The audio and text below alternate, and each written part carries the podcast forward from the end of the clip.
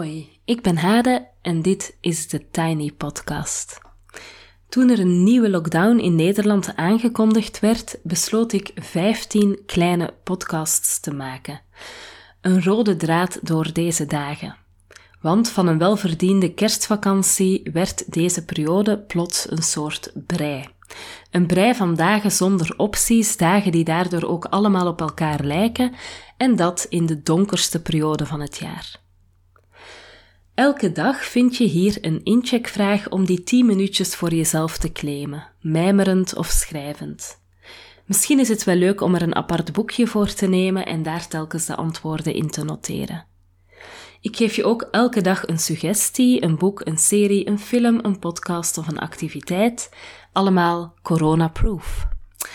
Elke uh, weekdag ga ik die doen, uh, van 20 december, dus vorige week maandag, tot en met 7 januari. En dit is dag 6. Dus we doen de weekdagen en niet de weekenddagen. De vraag voor vandaag is: waar heb jij je het voorbije jaar machtig en onmachtig omgevoeld? Zet deze podcast even op pauze, mijmer een eind weg en of gebruik deze vraag als journalingvraag en ik beantwoord de vraag ook uh, voor mezelf zo dadelijk. Zo. Um, ik vind mijn eigen vragen vaak echt lastig. Um, ik had een soort opzetje gemaakt uh, toen ik hieraan begon, met alvast 15 vragen. Uh, Zo'n soort tabelletje met dan wat er allemaal in moest zitten en welke tips dat ik wil meegeven. Want het is natuurlijk ook stom als je twee keer dezelfde tip geeft per ongeluk. Um, en ik kom dus de hele tijd in verleiding om mijn vragen te veranderen, om het dus makkelijker te maken. Maar ik doe het niet. Um, en ik ga dus ook mijn gedachten even ordenen en geven rond het machtige en het onmachtige. En met waar ik me onmachtig in heb gevoeld, begeef ik mij nu op glad ijs. Het afgelopen jaar en vooral de laatste maanden is er een soort van polarisatie en spanning ontstaan in de samenleving. Waar we eerst nog samen met de overheid tegen de corona vochten, hebben we nu massaal kritiek op diezelfde overheid, vinden we allerlei dingen van de genomen besluiten en is er natuurlijk ook de enorme polarisatie tussen gevaccineerden en ongevaccineerden uh, gekomen. Als Pieter en ik ruzie hebben, dit is even een uitstapje, hoewel we dus ook ruzie hebben over dit thema, dan krijg ik altijd het verwijt dat ik alles aan alles vastknoop en de zaken op die manier heel complex maak. En dat is nu eenmaal hoe mijn hoofd werkt. Um, en in het vaccinatiedebat zie ik tot mijn eigen stomme verbazing dat daar een soort van zwart-wit-indeling is ontstaan.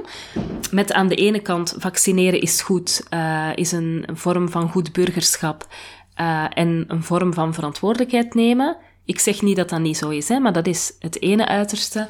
Versus niet vaccineren is sowieso asociaal en dom. Um, voor mij zitten daar echt duizend tinten tussen het zwart en het wit.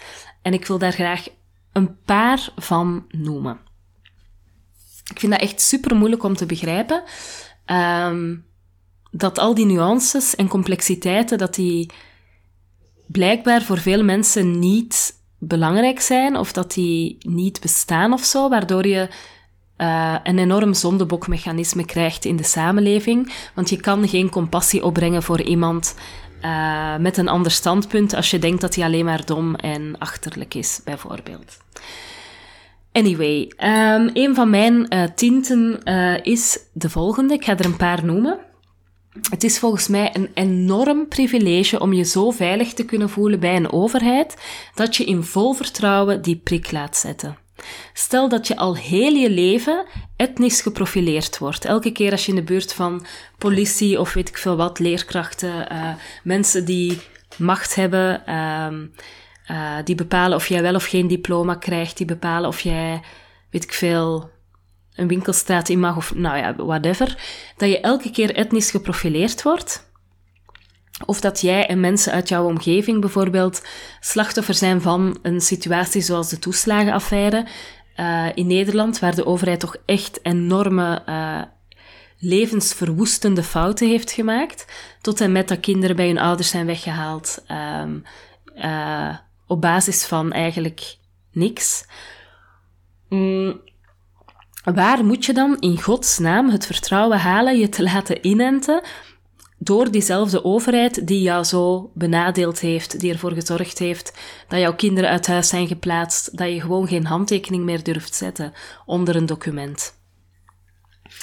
Um, ik denk dat wij onze eigen privileges vaak zo normaal vinden, zo vanzelfsprekend vinden, dat we er ook maar van uitgaan dat andere mensen die privileges ook maar moeten hebben of zo. Um, en dat wij gewoon niet begrijpen hoe, um, hoe een groot privilege het is om simpelweg vertrouwen te kunnen hebben in een overheid. Dan een tweede uh, kanttekeningetje, uh, of een tintje. Voor mij als hoogopgeleide vrouw is het hele coronagedoe een soort kluwen waar ik mijn weg absoluut niet in vind. Laatst was ik bijvoorbeeld in contact geweest met iemand die zes dagen na ons contact positief testte voor corona. Ik was op dat moment verkouden. Ik ben nog steeds verkouden. Um, ik had allemaal zelftesten in huis. Dus ik was van zodra ik verkouden was ook al beginnen zelftesten. En daarna kwam dan nieuws er ook nog bovenop dat ik in contact was geweest met iemand met uh, corona. Ik heb gezocht echt op allerlei websites naar informatie van moet ik nu in quarantaine, wat moet ik nu doen, moet ik nu officieel laten testen of mag ik gewoon die zelftesten doen.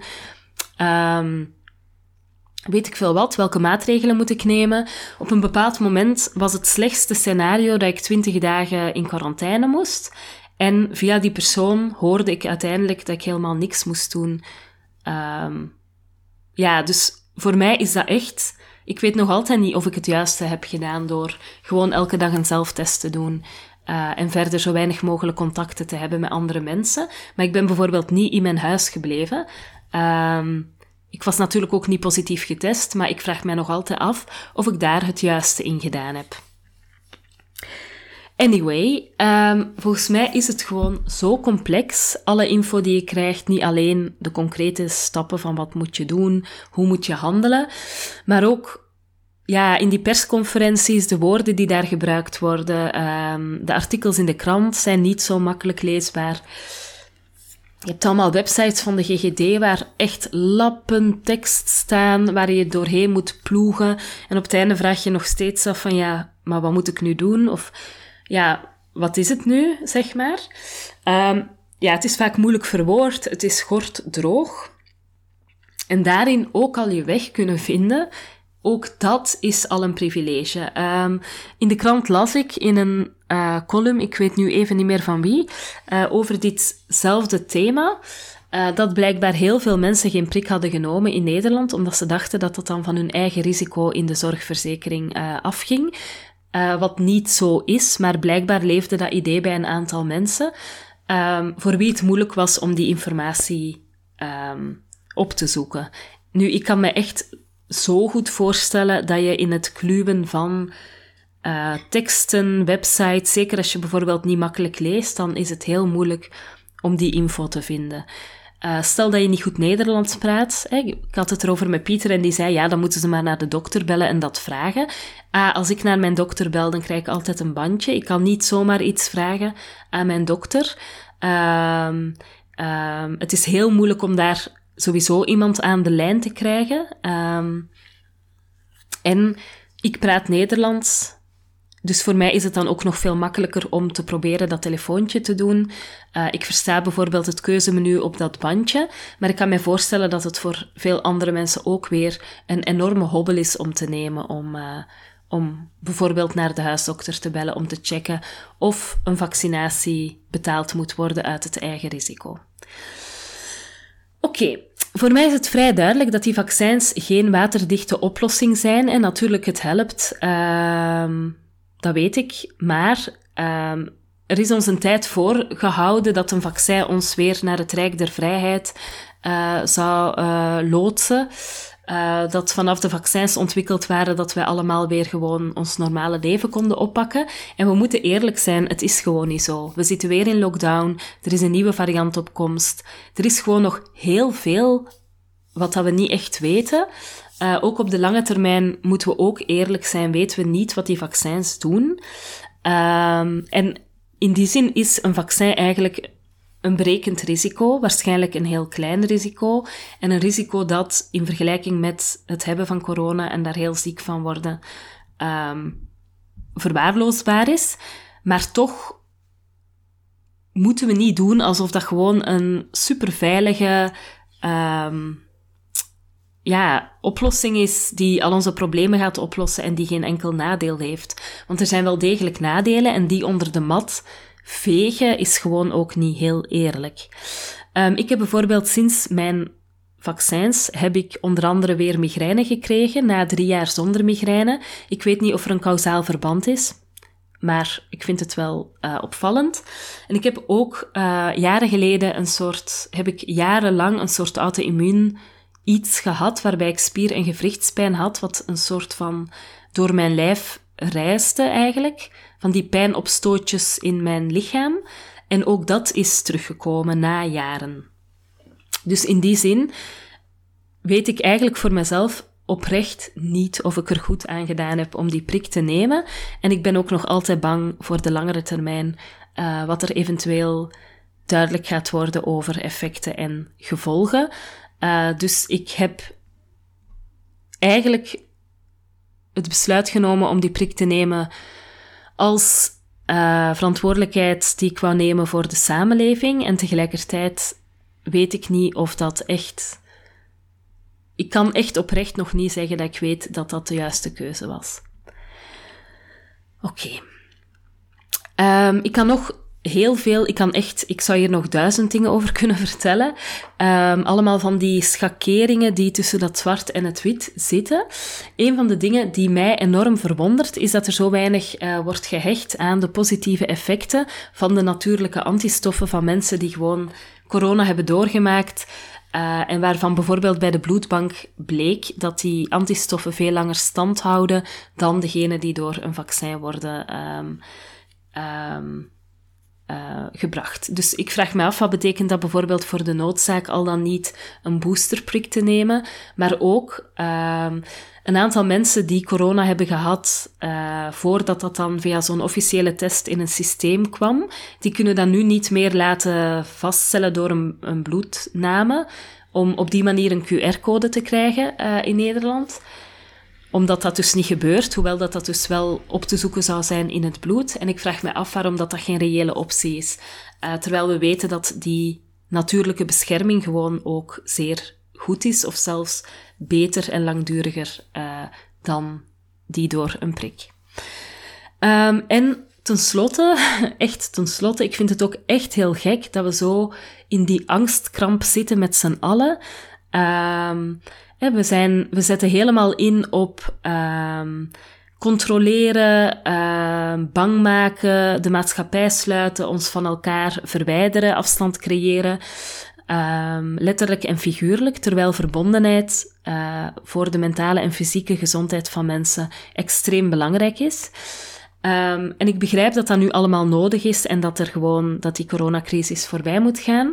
Maar ik snap niet dat er niet tegelijkertijd een zelfde inspanning is naar het verbeteren van onze algemene gezondheid. Zoals uh, programma's om te stoppen met roken, uh, het uh, bestrijden van obesitas, mensen nog meer te stimuleren om voldoende te bewegen, groenten en fruit te eten enzovoort. Um, dus ik begrijp dat we nu even al die angstmaatregelen moeten nemen. Maar ik vind het zo jammer dat er niet een gelijkwaardige inspanning is om de algemene gezondheid van mensen uh, te verbeteren. Want ik geloof ook dat dat op de echt lange termijn, op de, ja, als we verder kijken, zeg maar dan komende half jaar, dat dat gewoon een heel belangrijk maatschappelijk uh, issue gaat zijn. Dat we met z'n allen eigenlijk ook gewoon veel gezonder moeten worden. Voilà. Dus ik voel me heel machteloos ten opzichte van die polarisatie, omdat ik zelf eigenlijk zo'n beetje zwerf in al die kleine tintjes tussen zwart en wit. Um, ik zie dat er aannames worden geprojecteerd op groepen, zoals van de gevaccineerden naar de niet-gevaccineerden. En dat zijn dan mensen, dat zijn percentages, dat zijn mensen zonder gezicht, uh, mensen die ook uitgesloten worden uh, op bepaalde plekken. Terwijl ik denk van ja, mogelijk zien zij iets wat niet zo mainstream is. En dan bedoel ik geen uh, complottheorie natuurlijk, maar mogelijk zit daar ook iets van wijsheid of inzicht waar we misschien ook als samenleving naar zouden willen luisteren. Maar helaas werkt het niet zo. En dat doet me echt heel erg pijn en ik heb ook het gevoel dat er heel oneerlijk uh, daarin wordt gesproken. Um, het is heel populair geweest een paar weken lang en ik vind het heel fijn dat Kom op tegen kanker daar uh, ook een boodschap over gegeven heeft waarbij ze daar een halt aan toegeroepen hebben. Uh, bijvoorbeeld, um, er was een tijd lang echt een neiging om te zeggen dat alle capaciteitsproblemen van uh, ziekenhuizen, waardoor bepaalde mensen, zoals kankerpatiënten, um, uitstel kregen van een bepaalde operatie, dat dat allemaal door de niet-gevaccineerden kwam. Nu, ja, dat is misschien makkelijk en we zoeken een zondebok en het is ook fijn om kwaad op iemand of iets te kunnen zijn. Uh, zeker als we in een situatie van machteloosheid en verlies zitten, dan is het heel makkelijk om, uh, om daarin te geloven, om op die manier eigenlijk um, ja, een soort van ja, punt te hebben waar we onze kwaadheid op kunnen richten. Maar um, het is gewoon ook zo dat de hele zorg al best uitgekleed was, zeker in Nederland, voordat de coronacrisis startte. Um, in Nederland zijn er bijvoorbeeld veel meer inwoners dan in België en er is maar de helft van het aantal IC-bedden. Uh, in, met kerst 2018, nee, 2019, ja, is mijn dochter Janne, dat was dus pre-corona, de corona is pas in januari denk ik toen gekomen, uh, of in 2000, nou ja, ik weet zelfs niet meer, in 2020? Nou ja, anyway. Um, mijn dochter Janne uh, heeft toen een longontsteking gehad. En ook voor haar was er op dat moment geen plek in het ziekenhuis. We zijn met een ambulance uh, na weet ik veel. Ik denk dat we acht uur hebben gewacht op een, uh, op een spoedeisende hulp. En dan zijn we met een ambulance naar een ziekenhuis in Amsterdam gebracht. En daarmee hadden we geluk, want het kindje dat na ons was binnengekomen in het ziekenhuis, die was met een ambulance van uh, Haarlem, wat dus West-Nederland is, naar Limburg gebracht. Dus in die zin, er, is, er was al iets aan de hand met capaciteit en uh, zorg en het te weinig betalen van uh, zorgenden, het besparen op bedden in ziekenhuizen, dat was al aan de hand en dat is niet de schuld van niet-gevaccineerden, denk ik. Voilà, en de meeste besmettingen vinden bijvoorbeeld ook gewoon plaats tussen gevaccineerden, ook al verlopen die dan waarschijnlijk minder heftig. En dat heeft onder andere te maken met een vals gevoel van veiligheid door het gevaccineerd zijn. Bijvoorbeeld, um, daarnet was ik soep gaan halen als middageten, uh, even hier om de hoek. Um, en toen ik dat deed, toen stonden er mensen achter mij in de rij die echt veel te dicht bij mij stonden. Dus ik probeerde telkens wat um, uh, afstand te nemen en ook even een blik toe te werpen. Uh, maar die stonden gewoon onbeschaamd dicht bij elkaar. En toen keek ik verderop en toen zag ik ook dat er uh, een groepje mensen um, bij een koffiebar gewoon allemaal heel dicht bij elkaar stonden. Heel dicht weet ik veel, als een soort hoopje uh, koffie stonden te drinken. En je zag dat die mensen niet allemaal bij elkaar hoorden. Dus in die zin denk ik dat het feit dat we ons vals veilig voelen door gevaccineerd zijn, dat dat ook best een groot risico is. Anyway, ik ben al lang aan het praten. Uh, dat is ook omdat ik probeer om zo genuanceerd mogelijk te zijn. Ik schakel even over waar ik mij machtig in heb gevoeld. En dat vind ik echt een moeilijke vraag. Daar zal ik kort over zijn. Um, ik heb in de maanden september en oktober heel veel gecreëerd. Ik heb ongeveer 300 bladzijden materiaal gemaakt in die periode, wat echt best veel is. En dat voelde heel krachtig, heel fijn en daar ben ik echt heel trots op geweest. Voilà. Um, ik geef hier elke dag een tip. Mm. Vandaag is mijn tip het boek The Power Notebooks van Katie Royf. Het is een reeks dagboekaantekeningen van een intelligente, fijnzinnige vrouw over waarom sterke vrouwen hun eigen stem doordrukken. Uh, onderdrukken, sorry. Nou, het zou fijn zijn als ze ze zouden doordrukken, maar het gaat dus over eigen stem onderdrukken. Op 27 januari van 20 tot 21 uur 30 kan je deelnemen aan de leesclub van Femma Wereldvrouwen die ik mag leiden over dit boek. Ik ga het linkje in de show notes zetten. Een online leesclub helpt om een soort van leesuitdaging te hebben. Je leest dus een boek dat je misschien niet zelf zou kiezen. En je moet het uitlezen, want de leesclub komt eraan, dus je moet dat boek dan ook echt uh, uitlezen. Um, en sowieso is dat al fijn, want zo lees je, ja, je krijgt variatie en je wordt um, gestimuleerd om te lezen. Maar meer nog, uh, ervaar ik het zelf als heel verdiepend en vervullend om met andere vrouwen samen in gesprek te gaan over een boek, over hoe je uh, het begrepen en gelezen hebt, uh, waar het je raakte, waarom het je raakte enzovoort. Dus heel welkom. Ik hoop dat je erbij bent op 27 januari, 8 uur tot half 10. Link staat in de show notes. Voilà, tot zover voor vandaag. Je kan me volgen op Instagram, TheTinyPodcast. Als je je abonneert via bijvoorbeeld Google of Apple Podcast, in Spotify of in je favoriete podcast-app, dan krijg je telkens de nieuwste aflevering in je overzicht. Als je de podcast doorstuurt naar iemand die er ook graag naar zou luisteren of hem wil delen op social media, dan help je me om de podcast te laten groeien. En voor nu een fijne dag en veel goeds.